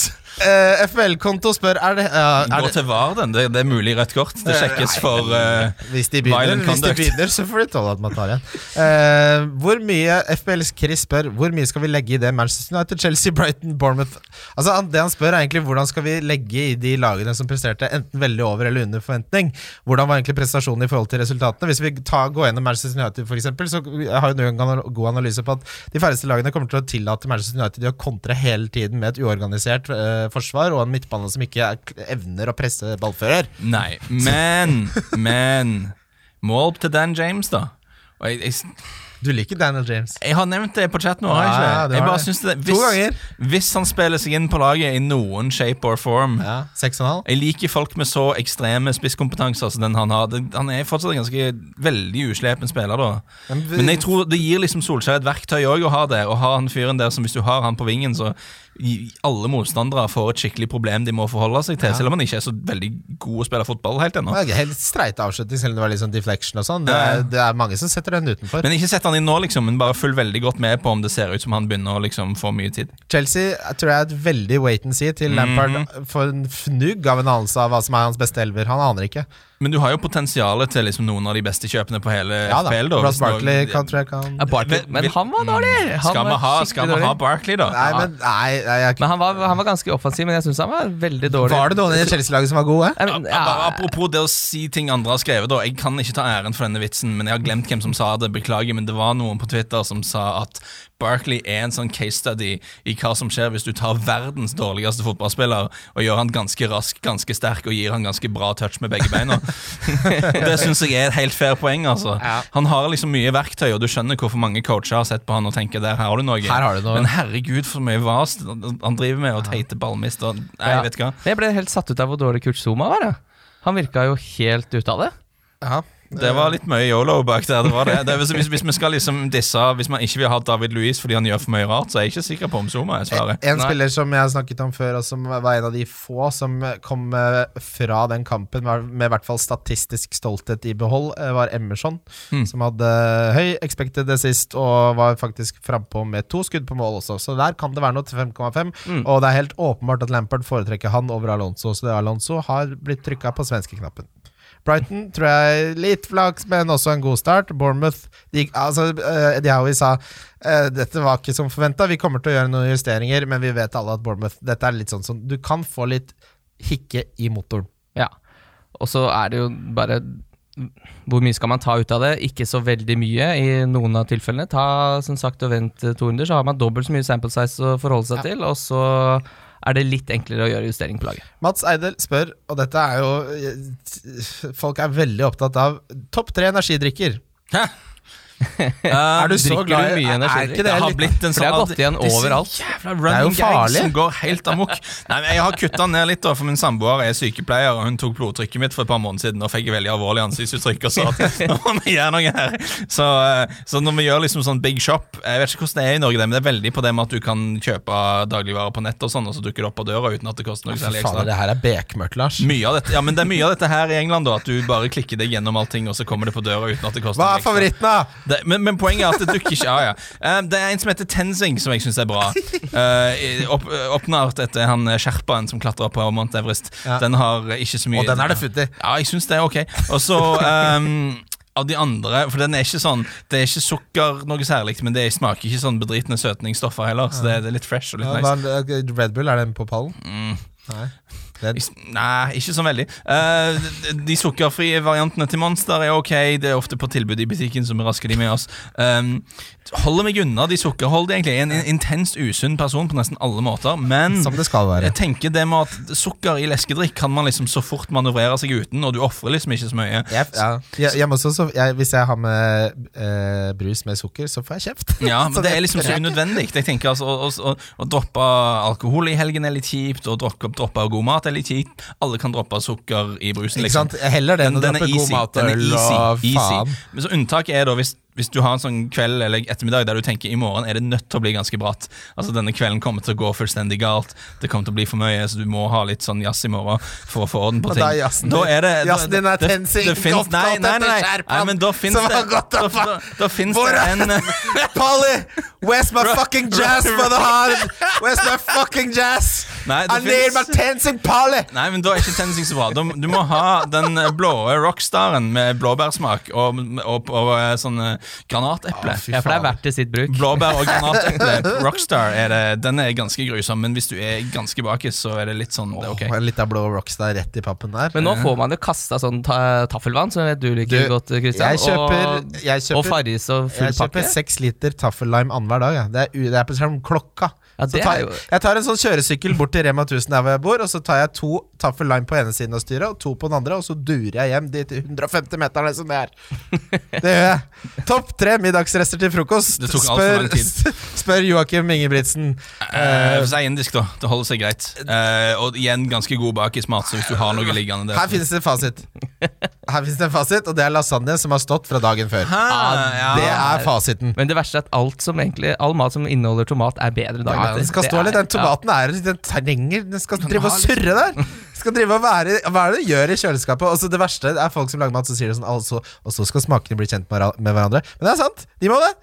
De må bli kjent med hverandre. Altså, jeg er helt enig Hvis jeg har noen lasagnerester stående i kjøleskapet, for eksempel, og jeg, da, da haster jeg hjem fra jobb. Altså. Ja, da begynner du sånn I todraget så begynner du å tenke sånn Faen, jeg har igjen lasagne fra i går. Det er faktisk lasagne som er årsaken til at dette frokosthelvetet på Football Weekly begynte. Uh, Fordi du spiste lasagne til frokost? Ja, for jeg nekta å si det, da. Fordi at det var Første gangen jeg var på Football Weekly, så du spør sånn Det har lydsjekk, og da bare sier du hva du spiste frokost. Ja. Da tror jeg jeg hadde spist noen sånn afghanske rester, eller noe sånt, og da syntes folk det var ganske krise. Og så gangen neste, Neste gang jeg var på, så jeg tror kanskje det var noe sånn det var, ei, det var Jackie Oatley eller et eller annet sånt. Ei veldig sånn veldig eh, sunn eh, kringkasterdame som, som hadde spist en halv Weetabix til frokost eller noe sånt faenskap, satt på siden av meg. Og realiteten var at jeg hadde spist en ganske solid tallerken med restelasagne. Og da bare følte jeg det sosiale presset var liksom Jeg kan ikke si at jeg har spist liksom en halv liter med lasagne nå til frokost, eller mer enn det. Det, det, det, det passer ikke inn, så det ville jeg ikke svare, da. Og, og det, det gikk ikke, det ble, det ble en greie, da. Så for alle som lurer på det, så Ja, og Jeg tror det var lasagne som var Bare så det problemet. er sagt, Hvis du tar hvitløksbrød i en tett plastpose, så er ikke den så dum. Kald og myk, den heller. Er ikke så dum, den heller. Eh, Pastasalat er også veldig god. Eh, vi må svare på dette. Sindre Taule Sandstål spør hva skjedde med Gilbert. Eh, og det vi tror, er vel at eh, manageren eh, der, som jeg ikke husker hva heter akkurat nå, at han gikk for de som fikk de opp i Premier League, og han ville ha de som var litt tryggere defensivt. Eh, men at vi ikke skal avskrive Altså, han gjorde jo Yota spilte ikke, Gilbert spilte ikke. Eh, det var en Jeg syns ikke Yota imponerte meg noe særlig da han kom inn. Jeg syns han så litt eh, treig ut. Hva er det som egentlig er hans uh... Han er mer en tier, da. Altså, han, Ja, han skal snekre sammen. Jeg har alltid også vært litt nysgjerrig på hvordan en hel uh, Howrahan, McGinn, uh, Grealish, Jota-greia skal Det kan være en diamant eller noe sånt, eller, men hvis du spiller 4-3-3, så vet jeg ikke om du får plass til alle. Howrahan skal man faktisk gjøre. Han har blitt navnet hans uttalt i veldig mange år. Jeg vet ikke om det er ja, det, ja, det en ham landeplage i dette. Ja, Ikke for å være morsom, men jeg bare tolker det sånn. Men, men, men hele Gilbert-hypen, da. det var jo Marius som starta den. Og, og jeg, og jeg, jeg tviler jo ikke på Marius sin innsikt her. Spesielt når det gjelder Villa, men bare på generelt grunnlag òg. Men når du ser på historikken til Gulbert i Frankrike Han har eh, spilt nokså fast og hatt to assist hver av de siste par sesongene. Og forrige sesong hadde han 0,4 innlegg i snitt per kamp. Jeg får ikke helt sånn offensiv backtenning av det. altså Jeg tror, jeg tror kanskje vi er et offer her for å bli litt gira på Marius sin entusiasme og glede, og at han var litt god i preseason. Rett og slett. Det preseason-fella er, er Det kan hende, men det kan også hende at han øh, Kanskje han har blitt en annen person. Vi skal ikke, av- vi skal ikke avskrive Vi skal ikke avskrive Gilbert for tidlig, men det er klart Det er jo litt kjipt nå som han ikke starta og ja, men Gi han hjemme mot Bournemouth, da. Ja, da tror jeg han starter. eh, Ta, så prøv, han kommer nok til å starte mot et Bournemouth eh, med, hvor de trenger litt mer offensive eh, backer der. Så skal vi gå igjennom faktisk runden som kommer. Runden som kommer. Det er. Runden som kommer. Runden som kommer, og vi begynner Åh, Jeg er ikke noe glad i å ha kapteinen tidlig på lørdagen. Det, Nei, det er, det er veldig rart hvordan det der veldig mye Det veldig liker tidlig. jeg Altså. ikke noe godt i det hele tatt. Men jeg har nå sagt det, og jeg ja, jeg- Altså, det blir Salah eller Aubameyang, da, men øhm, Nei, jeg stopper Aubameyang der. Jeg tror Arsenal kommer til å se mer spennende ut. Jeg tror de kommer til å ha mange friske tilbake. Det er klart, Burnley kan det jo. Det er jo ikke Kanskje vi får et Burnley som er vanskelig å spille mot igjen? Jeg vet ikke hvem skal Dette Burnley-greiene, hva skulle du si da? For jeg tenkte jo at dette må jo være sesongen der det slutter, dette her. For det, for det som Burnley gjør, er jo statistisk usannsynlig, og det finnes, folk har prøvd å lage modeller for å forklare det. For, for de som ikke vet, poenget er at de, de, de får så mye skudd mot seg hver kamp. De blokker. Ja, men det som er poenget da, ja, De kommer fra litt ufarlige områder, og sånn, de sitter så dypt at de liksom frister folk til å skyte. Det er lav meter. expected goals på de Ja. skuddene de slipper Men det er så mange av de at til sammen så blir det en del. så det er liksom sånn Det er en del sånne modeller som ikke helt forstår Burnley. Og, og de kjente jo bare drit, og jeg vet ikke. Men, men, men, så, vinner, men så slår de Og så har de Ashley Barnes! Ja, det er vel det. Og så så jeg så han dro på fikk, Og Peters da med to assist. For, ja, for de som ikke så det, Ashley Barnes etter å ha skåra to mål i seieren mot Southampton, dro rett på Five Guys Burgers and Fries og kjøpte seg burger. Det er en mann etter min smak. Ja. Aston Villa Bournemouth, den gleder jeg meg til å se. Men jeg er litt redd for at det blir skuffet på samme måte som Leicester mot Wolverhampton her. Men at det er litt sånn oh, spennende med Villa, spennende med Bour- mot Bournemouth, og så får vi en én-kamp. Skal du se den kampen her? Jeg skal jo se alt sammen. Ja. Eh, Jeg håper det går på målshow. Ja, vet du hva, jeg, det, har vi, vi har snakka om det før også, men det der sjanseshowet som TV2 har begynt med nå, det, med det orker jeg Vis ikke. goller, Vis eh, ja. goller, rødkort og straffemiss Ja, og slåssing. Og så skal de snakke sånn dramaturgisk riktig også. Så bare sånn, eh, det har vært én sjanse som de snakker opp, som ikke er scoring. Altså når det kommer scoring, så skal de liksom ned her. Og så skal vi over til Burnley. Som, jeg føler som? sånn- Jeg føler meg som en og sånn der scorer det Barnes! Bare, Å ja, det her er scoring. Slutt å lure meg med det der uh, greiene. Det burde være et energinivå som er tilpassa om det er scoring eller ikke. Her driver de og prøver å leke. Sånn, Programmet heter Målshow. ja. ja. Det er ikke mål. sjanseshow. Nei. Nei, det er utrolig, utrolig Egentlig nesten litt irriterende. Ja, det er, jeg, gå tilbake til sånn som det var før. Uh, men Aston Villa Bournemouth. Ja, her uh, sitter jeg med Fraser, og jeg tror det kan uh, Det er siste sjansen til Fraser. Han blir ikke med videre, tror jeg. Nei, Altså. han skal ha en voldsomt god kamp før han blir med videre med det kampprogrammet som uh, Bournemouth har. Og her sitter jeg med sånn klassisk fantasy-dilemma som er Jeg ser tallene til Frazier, jeg hører alle argumentene dine for Frazier, men det føles ikke bra. Jeg syns ikke han er så god, og jeg har ikke lyst til å ha han. Og jeg er ikke så veldig fan av dette når du har en spiller som er billig, som slår igjennom, som er megaverdi en sesong. Så neste sesong blir prisen hans justert Ja. til helvete opp, og så ser du på det og sier ja, det er fortsatt ok, men da må han nesten levere sånn som han gjorde i denne megasesongen i fjor. Ja. Jeg, føler, jeg føler det er ting, andre ting jeg kan bruke 7,5 på en Frazier, altså. Jeg, jeg merker jo at de Wilson og Frazier sitter jo litt løst. Hvis, Ikke ha begge. Uh, Altså, det, jeg kan ikke sitte i fem-seks runder og vente på at de skal levere. Jeg må se at Bournemouth snur. øh, og så er det jo wait and see med, med Villa her. Jeg hadde trippel Bournemouth jeg i helgen, det er jo ikke bra. Ja. Hvordan endte jeg opp der? Ja, og det, ja, nei, Brighton Westham uh, Det er også en spennende kamp. også kjempe wait and see. Jeg, jeg har, altså Neil Mapai er også en som jeg, tar, Mm. jeg har litt lyst på på sikt. Hvis, han tar, øh, hvis han blir nailed, så tror jeg nok han kan Og bli en blir fin han på spiller. sikt. Og jeg tror også det at Hvis du sitter på alle disse 6,5-gutter og vurderer hvem av de skulle ha, så tror jeg det å fri opp en halv mil og gå ned på Mapai kan være et helt ok alternativ. Ja, ja absolutt. Eh, spennende å se Westham også når de ikke møter City. Eh, Everton Watford, der tror jeg det skal løsne litt mer. Vi får nok ikke se Moise Ken eh, fra start der heller, dessverre. Han veier fortsatt 67 kilo. For de som er på livepodkasten. Men eh, det, med så mange eh, Altså, de har så mange offensive spillere, Everton, som er hakket bedre enn de lagene som er på deres sjikt i tabellen, at noe må gi etter her på et tidspunkt. Um, så, og Watford startet forferdelig dårlig. Men, men veldig mange av de vil spille innover venstrekant. altså det er jo, Du har Bernhard der, du har Richarlison som er best der. Iwobi egentlig vil helst best i den posisjonen. Moise Kane har også spilt der. Så de, de må ha sånn skikkelig basketak om hvem som ikke hvem som skal spille topp, ikke hvem som skal spille tid. Du må ha den der inside left. Hvem Inside det? forward on the left Ja, side. hvem får lov til det? Det er jo ikke inside left, det er noe annet. Ja, Ja, samme det. Norwich, Newcastle her eh, Fy fader, Newcastle. De byttene til Steve Bruce i den kampen mot Arsenal. Der er det en mann som ikke har trent ordentlig fotball på en stund. Rett og slett. Og John Joe Shelby var eh, eh, så, eh, akkurat som man burde forvente fra John Joe Shelby. egentlig Og Jeg lanserte han så vidt som en femmillionerskandidat. Det trekker jeg ærbødigst tilbake. Men jeg synes Førsteomgangen var ikke så gal, da. Ja, Jeg satt og så dette her på, på en flyplass og så jeg skulle til å sende melding til deg. Vet du hva, Dette er ikke så gale. Og så ble det jo tap og null på mål og sånn, men Jeg tror Norwich vinner 3-1. Eh, Southampton, Liverpool eh, Southampton skuffet jo selvfølgelig veldig. Er Salah Altså Bortestatsen, husker dere forrige sesong, så var det enorm forskjell på han og Mané. Men han er jo en flat track bully. Han voldsomt. får noe så voldsomt mye poeng mot de lagene her. Og sånn som Liverpool så Liverpool kunne fint skåret seks mål Ja. i, Norgeskampen, men de kunne også sluppet inn to. Men uh, altså, det jeg så av Liverpool og City, er det som har imponert meg mest fancy-messig. Mm. Så å gå uten at jeg, jeg, jeg kommer ikke til å Jeg sitter jo på Ambabia, men jeg kommer ikke til å tørre å diffe. Vet du hva? Jeg for merker, Salah. fordi det jeg tenker nå er, Eller det jeg kjenner på nå, er eh, for det første at eh, Liverpool er et, ekstremt mye mer satt lag enn det Arsenal er. Han får ett poeng mer per scoring. Uh, og i tillegg så møter de et lag som startet mye dårligere enn det Burnley gjorde. Som uh, Nei, det, jeg går tilbake. Jeg skal heller ha Salah som kaptein. jeg, jeg syns det. Og nå har vi allerede nevnt at når det gjelder Burnley, så er de en sånn rar sånn malstrøm av kaos som suger inn alle statistikker og kverner de ut på en måte som ikke gir noen logikk. Men Southampton hadde jo De hadde faktisk så vidt mer expected goals enn Burnley i den kampen. De tapte 3-0.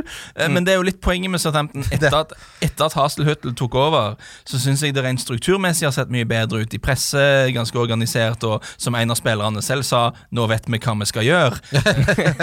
Interessant vurdering av Mark Hughes sine treneregenskaper der. Men, men problemet er likevel at de mangler litt cutting edge for, framover. Kanskje de vil få det i Che Adams, litt usikkert. Det tar nok litt tid, da. Og det de iallfall mangler, er kvalitet bakover. Altså Den stopperrekka der, den, den må du bare Den blir cancelled. Du kan ikke få en sesong to av den, men det har han fått likevel. Så jeg, jeg tror jo at City skal kunne City, beklager, Liverpool skal kunne skåre en del mål mot den gjengen. altså Ja, det, ja, det, jeg, jeg merker at det, altså det, det, det Hvis eneste jeg skulle tippa 3-0 til Liverpool. Det eneste argumentet jeg kan se for Aubameyang over Salah, da begynner, da begynner man å diffe allerede i Gameweek 2, og at det er en hjemmekamp. Og man det, er, skal jo ikke Det, er jo på det, måte er, det er det jeg mener. Det er teit å diffe med kapteinen. Det er ikke så mange som sitter med Aubameyang heller, er det det? Ja, Det er diff nok å ha han. Ja, ikke sant? Det er det jeg mener. Ja, helt Ja, det er 27 men Men så er det også ligger det ikke altså Problemet er da du får et Salah hat trick, liksom, og så er høsten din ødelagt. Ja, det er nettopp det.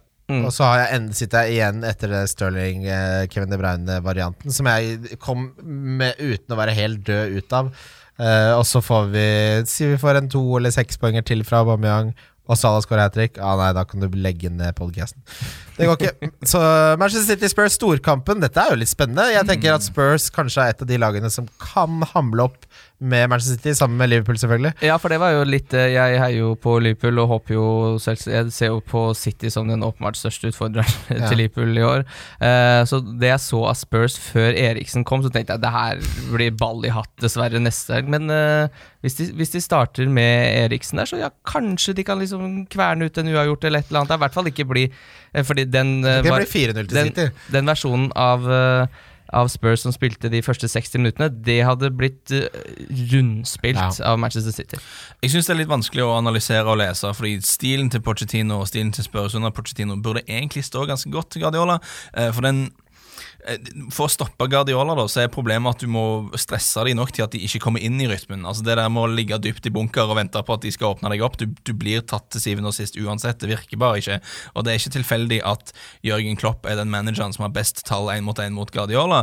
Det er fordi at hans sånn heavy metal in your face, tut og kjør, det gjør av og til, hvis det virker, at City og Guardiola sine lag bare ikke kommer inn i rytmen og ikke får satt det, og derfor får trøbbel. Og Tottenham, siden de kan dette tut og pes-pressegreiene under Pochettino, siden de har raske folk, enten det er Mora eller Son som, eh, som spiller, så burde de i teorien stå godt til hverandre, men i realiteten så har ikke Pochettino så bra tall mot Guardiola, så det har ikke alltid funka i virkeligheten. Så jeg syns det er litt sånn triksig og vanskelig, og jeg soler vel ikke på Tottenham bakover, da, er vel det som er problemet. Hvis dere skulle kommet med en uh, altså scorecast her, hva tror dere stillingen blir? Eh, 3-1 City. Ja, det syns jeg høres ut som Hvor eh, tror du Stirling er involvert i mange av de? to målpoeng. Man starter vel fort venstre i kant igjen, Stirling, gjør han ikke det? Og- Da er det da Ja, eller Jesus, kanskje, som ja. han fikk, startet- fikk, fikk skryt av Pep. Nei, Hvis han starter venstre kant, så skal han mot Walker Peters eller Serge Aurier. Åh, Og da er det litt sånn, jeg tenker jo det kan bli litt lekestue for Stirling, det. altså det er fryktelig variant. Bare for å ta det der, den uh, annulleringa til City der også. Det, Det som- skal være mål i fotball, altså. Ja, men altså- folk holder Og det, det mener jeg det, Jeg mener at VAR er helt korrekt, men der mener jeg den offside-regelen begynner å bli nå nesten litt sånn ja, men jeg, jeg, smått parodisk. Jeg er litt lei av å snakke om VAR, men jeg kan være enig om det med offside-regelen. Det hadde vært mye bedre hvis du bare tar føttene. For da kan Ja. du bare trekke en grei linje, og så kan alle se det. Men kan ikke begynne å måle hvor skulderen begynner. Hvor går vi fra å være skulder til arm? Og så, altså, hvor ofte skåres det med den jævla skulderen? Det er så irriterende. Du kan Og skåre med skulderen. Hvor stor fordel har egentlig angriperen hvis han lener seg litt inn når skulderen er foran? Altså, det regelen er jo der for at folk ikke skal fiske.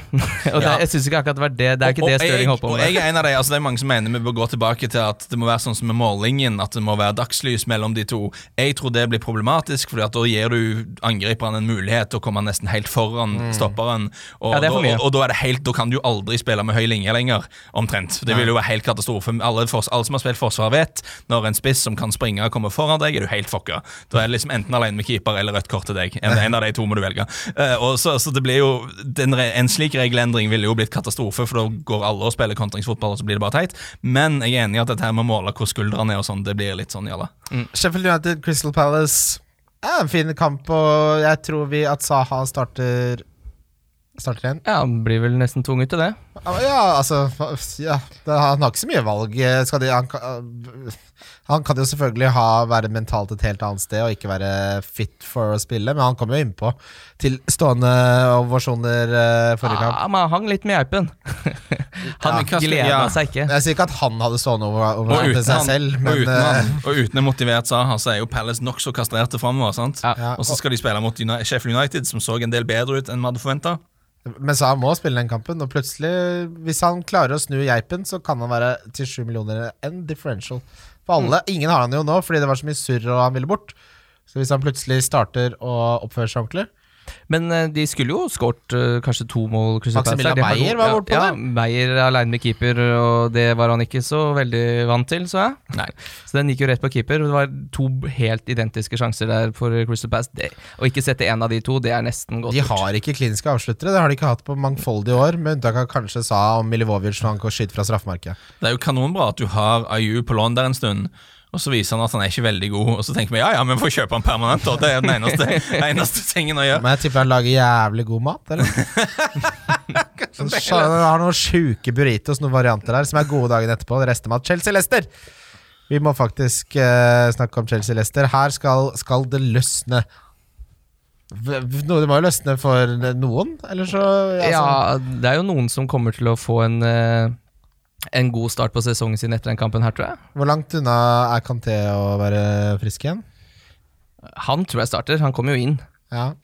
Da, tror jeg, altså, er han klar for å starte nå? Men selv om han gjør det, altså hvis du skal ha et Chelsea-forsvar som fortsatt driver med sånn LSD-posisjonering bak der, så tror jeg fortsatt Vardy kan, eh, kan få det litt kost. Ja, jeg så Det er litt ønsketenkning fra meg her, da, fordi vi trenger litt Vardy-action. Men jeg så folk som drev og benke, uh, de- benke til med benke Peres og sånn. Det Det, det er Chelsea borte. Det er, det er en rød fixture på fancy, men det er ikke det i virkeligheten. Perez skapte altså ingenting. Nei, det var det veldig, var, altså, Han hadde eh, absolutt null, null, null på alle tall. Ja da, det var fryktelig. fryktelig Eh, Så vi får på det tar seg opp. Wolverhampton, Manchester United, det er mandagskampen. Alltid veldig deilig med en mandagskamp. Jeg tror Manchester United skal slite mot et Wolverhampton-lag som elsker å spille mot topp seks-lag. Og de fikk veldig skryt for hvordan de spilte defensivt i serieåpninga. Ja. Så det blir nok Jeg tror faktisk dette blir eh, Ja ja, nå stanga de jo ganske greit mot eh, Chelsea også uten å skape. De, var, de, hadde sin, de hadde sin første sjanse i åpent spill etter 63 minutter. Uh, det er ikke, jeg, jeg er ikke frista til å kaste meg på Martial riktig ennå, men det skal også sies Martial til 7-5 som spiller spiss på Manchester United. Det er, han er underprisa. Ja, det er klart, og han spiller nier altså for Manchester United, så det Ja. er ingen tvil om at han skal inn eh, på et eller annet tidspunkt. Ja, det er bare uavhengig av hvor bra United gjør det, nesten, så er Altså, han en, en, en, som spiller, en som spiller spiss for United til 7,5, som og av og til tar straffer i tillegg, det er bare, det er bare matte, det. det er bare, kanskje der vi skal hvis uh, Wilson har en uh, tørr Ja. kamp til. ja, det er ikke sant. Men vi kan, jeg kan fint vente. Jeg trenger ikke å ha det mot Wolverhampton. Problemet er at andre kan ikke vente.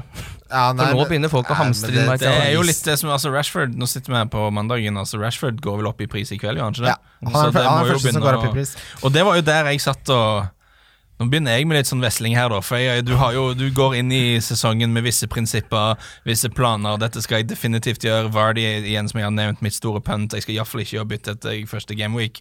Så sitter jeg og tenker da Ja ja, jeg har både Perez og Vardy, det er ikke så bra. Jeg har både Frazier og Wilson, det er ikke så bra. Jeg kan jo gå ned fra Vardy til Rashford, og da kan jeg jo fort oppgradere Frazier til Gulfi, og så har vi litt bedre miks der. Ja. Men du kan ikke drive og ta hit etter game Men week one. nei, jeg, og et lite tips til de som ikke vet det. Eh, Du får ikke poengene fra forrige runden selv om du henter de etterpå. Men De poengene får du ikke med deg. Og så er det dog det med at jevnt over Jeg tror vi undervurderer hvor mye bytter skader oss. Ja. Så prøv å unngå å bytte ut gode spillere med andre gode spillere. Ja, men det er, det er jo Altså, det er en det er jo en Bytt hvis det er krise. Med krise. Og- ikke og- bytt hvis det er ok.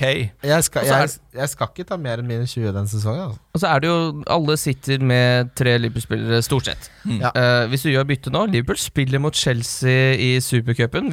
Selv om du Ja, men jeg skal ikke bytte ut en Liverpool-spiller uansett. Nei, nei, men hvis Salah drar på seg en skade, da så vil du jo ha ut han, og da har du allerede brukt bytte. Da må du ta minus Ting fire, da. kan skje. Det, er midt, det er ting som kan skje nå. Det er for tidlig. Vent med bytte til fredag. Vi skal videre til Robertson plutselig får nok og Ja. bare dreper Pedro på banen, Ja. da må du gjøre bytte. Ja, da må Ja, vi bytte. han må ut. Vi skal videre til rundespillere. Wildcard FC. Wildcard FC. Yes, rundens spillere. Uh, det var grei Eller ja, vi traff på kaptein og, og på donk forrige gang, begge to, Kim.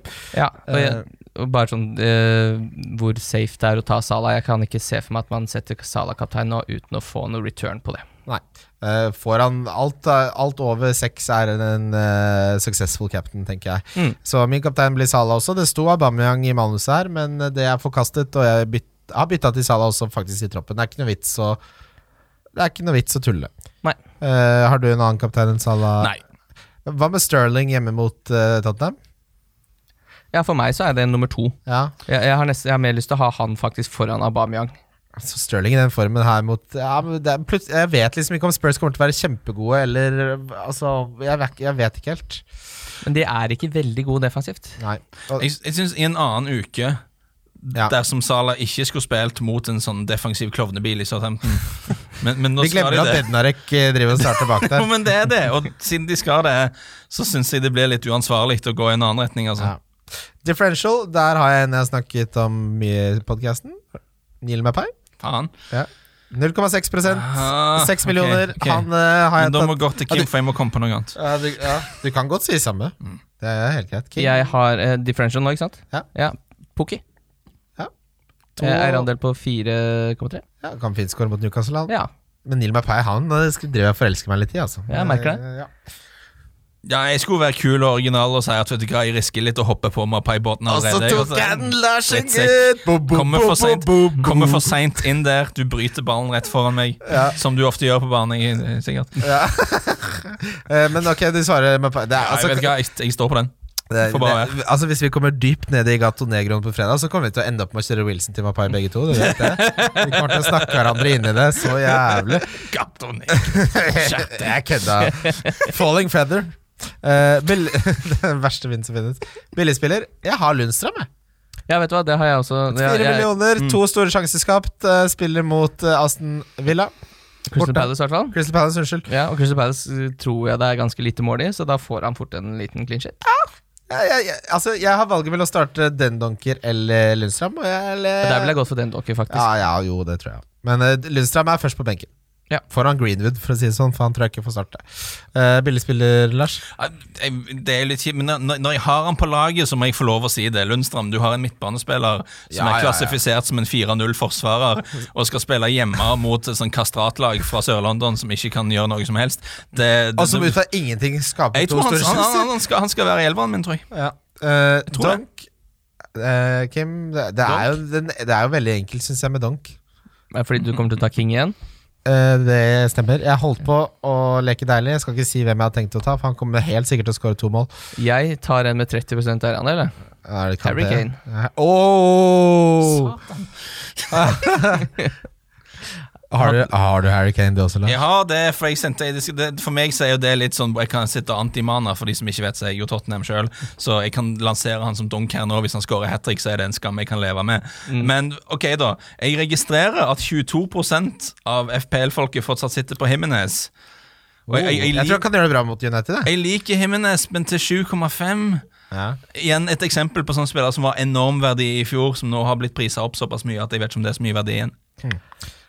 Da, gutter, har vi kommet til veis ende. Dette ble en uh, fotballfaglig Dette var en veldig fin episode. Ja, det var ro Det har vært veldig bra nivå på episodene så langt denne sesongen. Jeg må, må innrømme å si det, ja. Det var litt deilig å bare komme litt nedpå litt og snakke litt fotball, ikke bare ikke, Eller ikke kødde så mye. Jeg, jeg merka jo jeg, jeg måtte høre på Runden spillere forrige episode, og det, jeg hadde blitt kjent med Sagene-pilsen på slutten der. Var bekjent med den, ja. Må være lov å si det? Kose seg Ja, det må være lov å si, for Ja. du rota noe voldsomt. Ja, dette var deilig. Fantastisk deilig å ha deg med, Lars. Nå Det skal var vi kjekt å være med, og jeg setter jo pris på at jeg var i badstue tidligere i dag.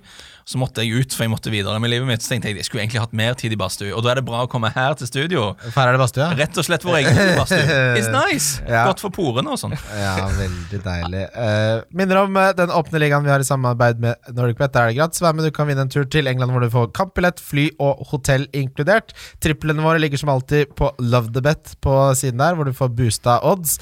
Nå skal vi ut og spise og kose oss, gutter. Eh, vi spiser Ha det? Har ikke spist siden frokost. Jeg må få gang på dette. Jeg har ikke spist siden lunsj, og da tok jeg dobbel porsjon av grønnere kjøttboller med pasta og ostesaus. Var godt i kantina i dag. Kose seg! Grønnere kjøttboller. Er det? Ja, det er litt sånn grønnsaker i kjøttbollene. Du merker det ikke. Det er, det er til barn, ikke sant? Det er det beste når du ikke Jeg er på smaker det, det, Jeg skal ikke smake Sånn grønnsaker. som de der eh, laksepølsene man kan kjøpe. laks, det eneste formen for laks som er godt, er laks, vanlig laks. Slutt med lakseburger, slutt med laksepølse. Hvorfor insisterer eh, folk på å lage sånne pølser av produkter som ikke er pølse? Jeg vil ikke ha pølseburger eller laksepølse. Og den nye laksekjeden som skal drive som, han, eh, som har vunnet gull, faen og sånn. Det lukter alltid fisk der. Aldri er det noen folk. Jeg håper de taper masse penger. Det er bare lag vanlig laks. Det skal ikke ha så mye bo- bowl og greier. Det fins bedre ting. Jeg er helt enig. Jeg syns en uh, laksefilet det er ålreit, det. Bare helt vanlig laksefilet med poteter og grønnsaker og smelta smør. Bare slapp av litt. Nå går vi og spiser. Nå går vi og spiser. Ha det godt. Wildcard FC. Wildcard FC. Wildcard FC. Wildcard FC.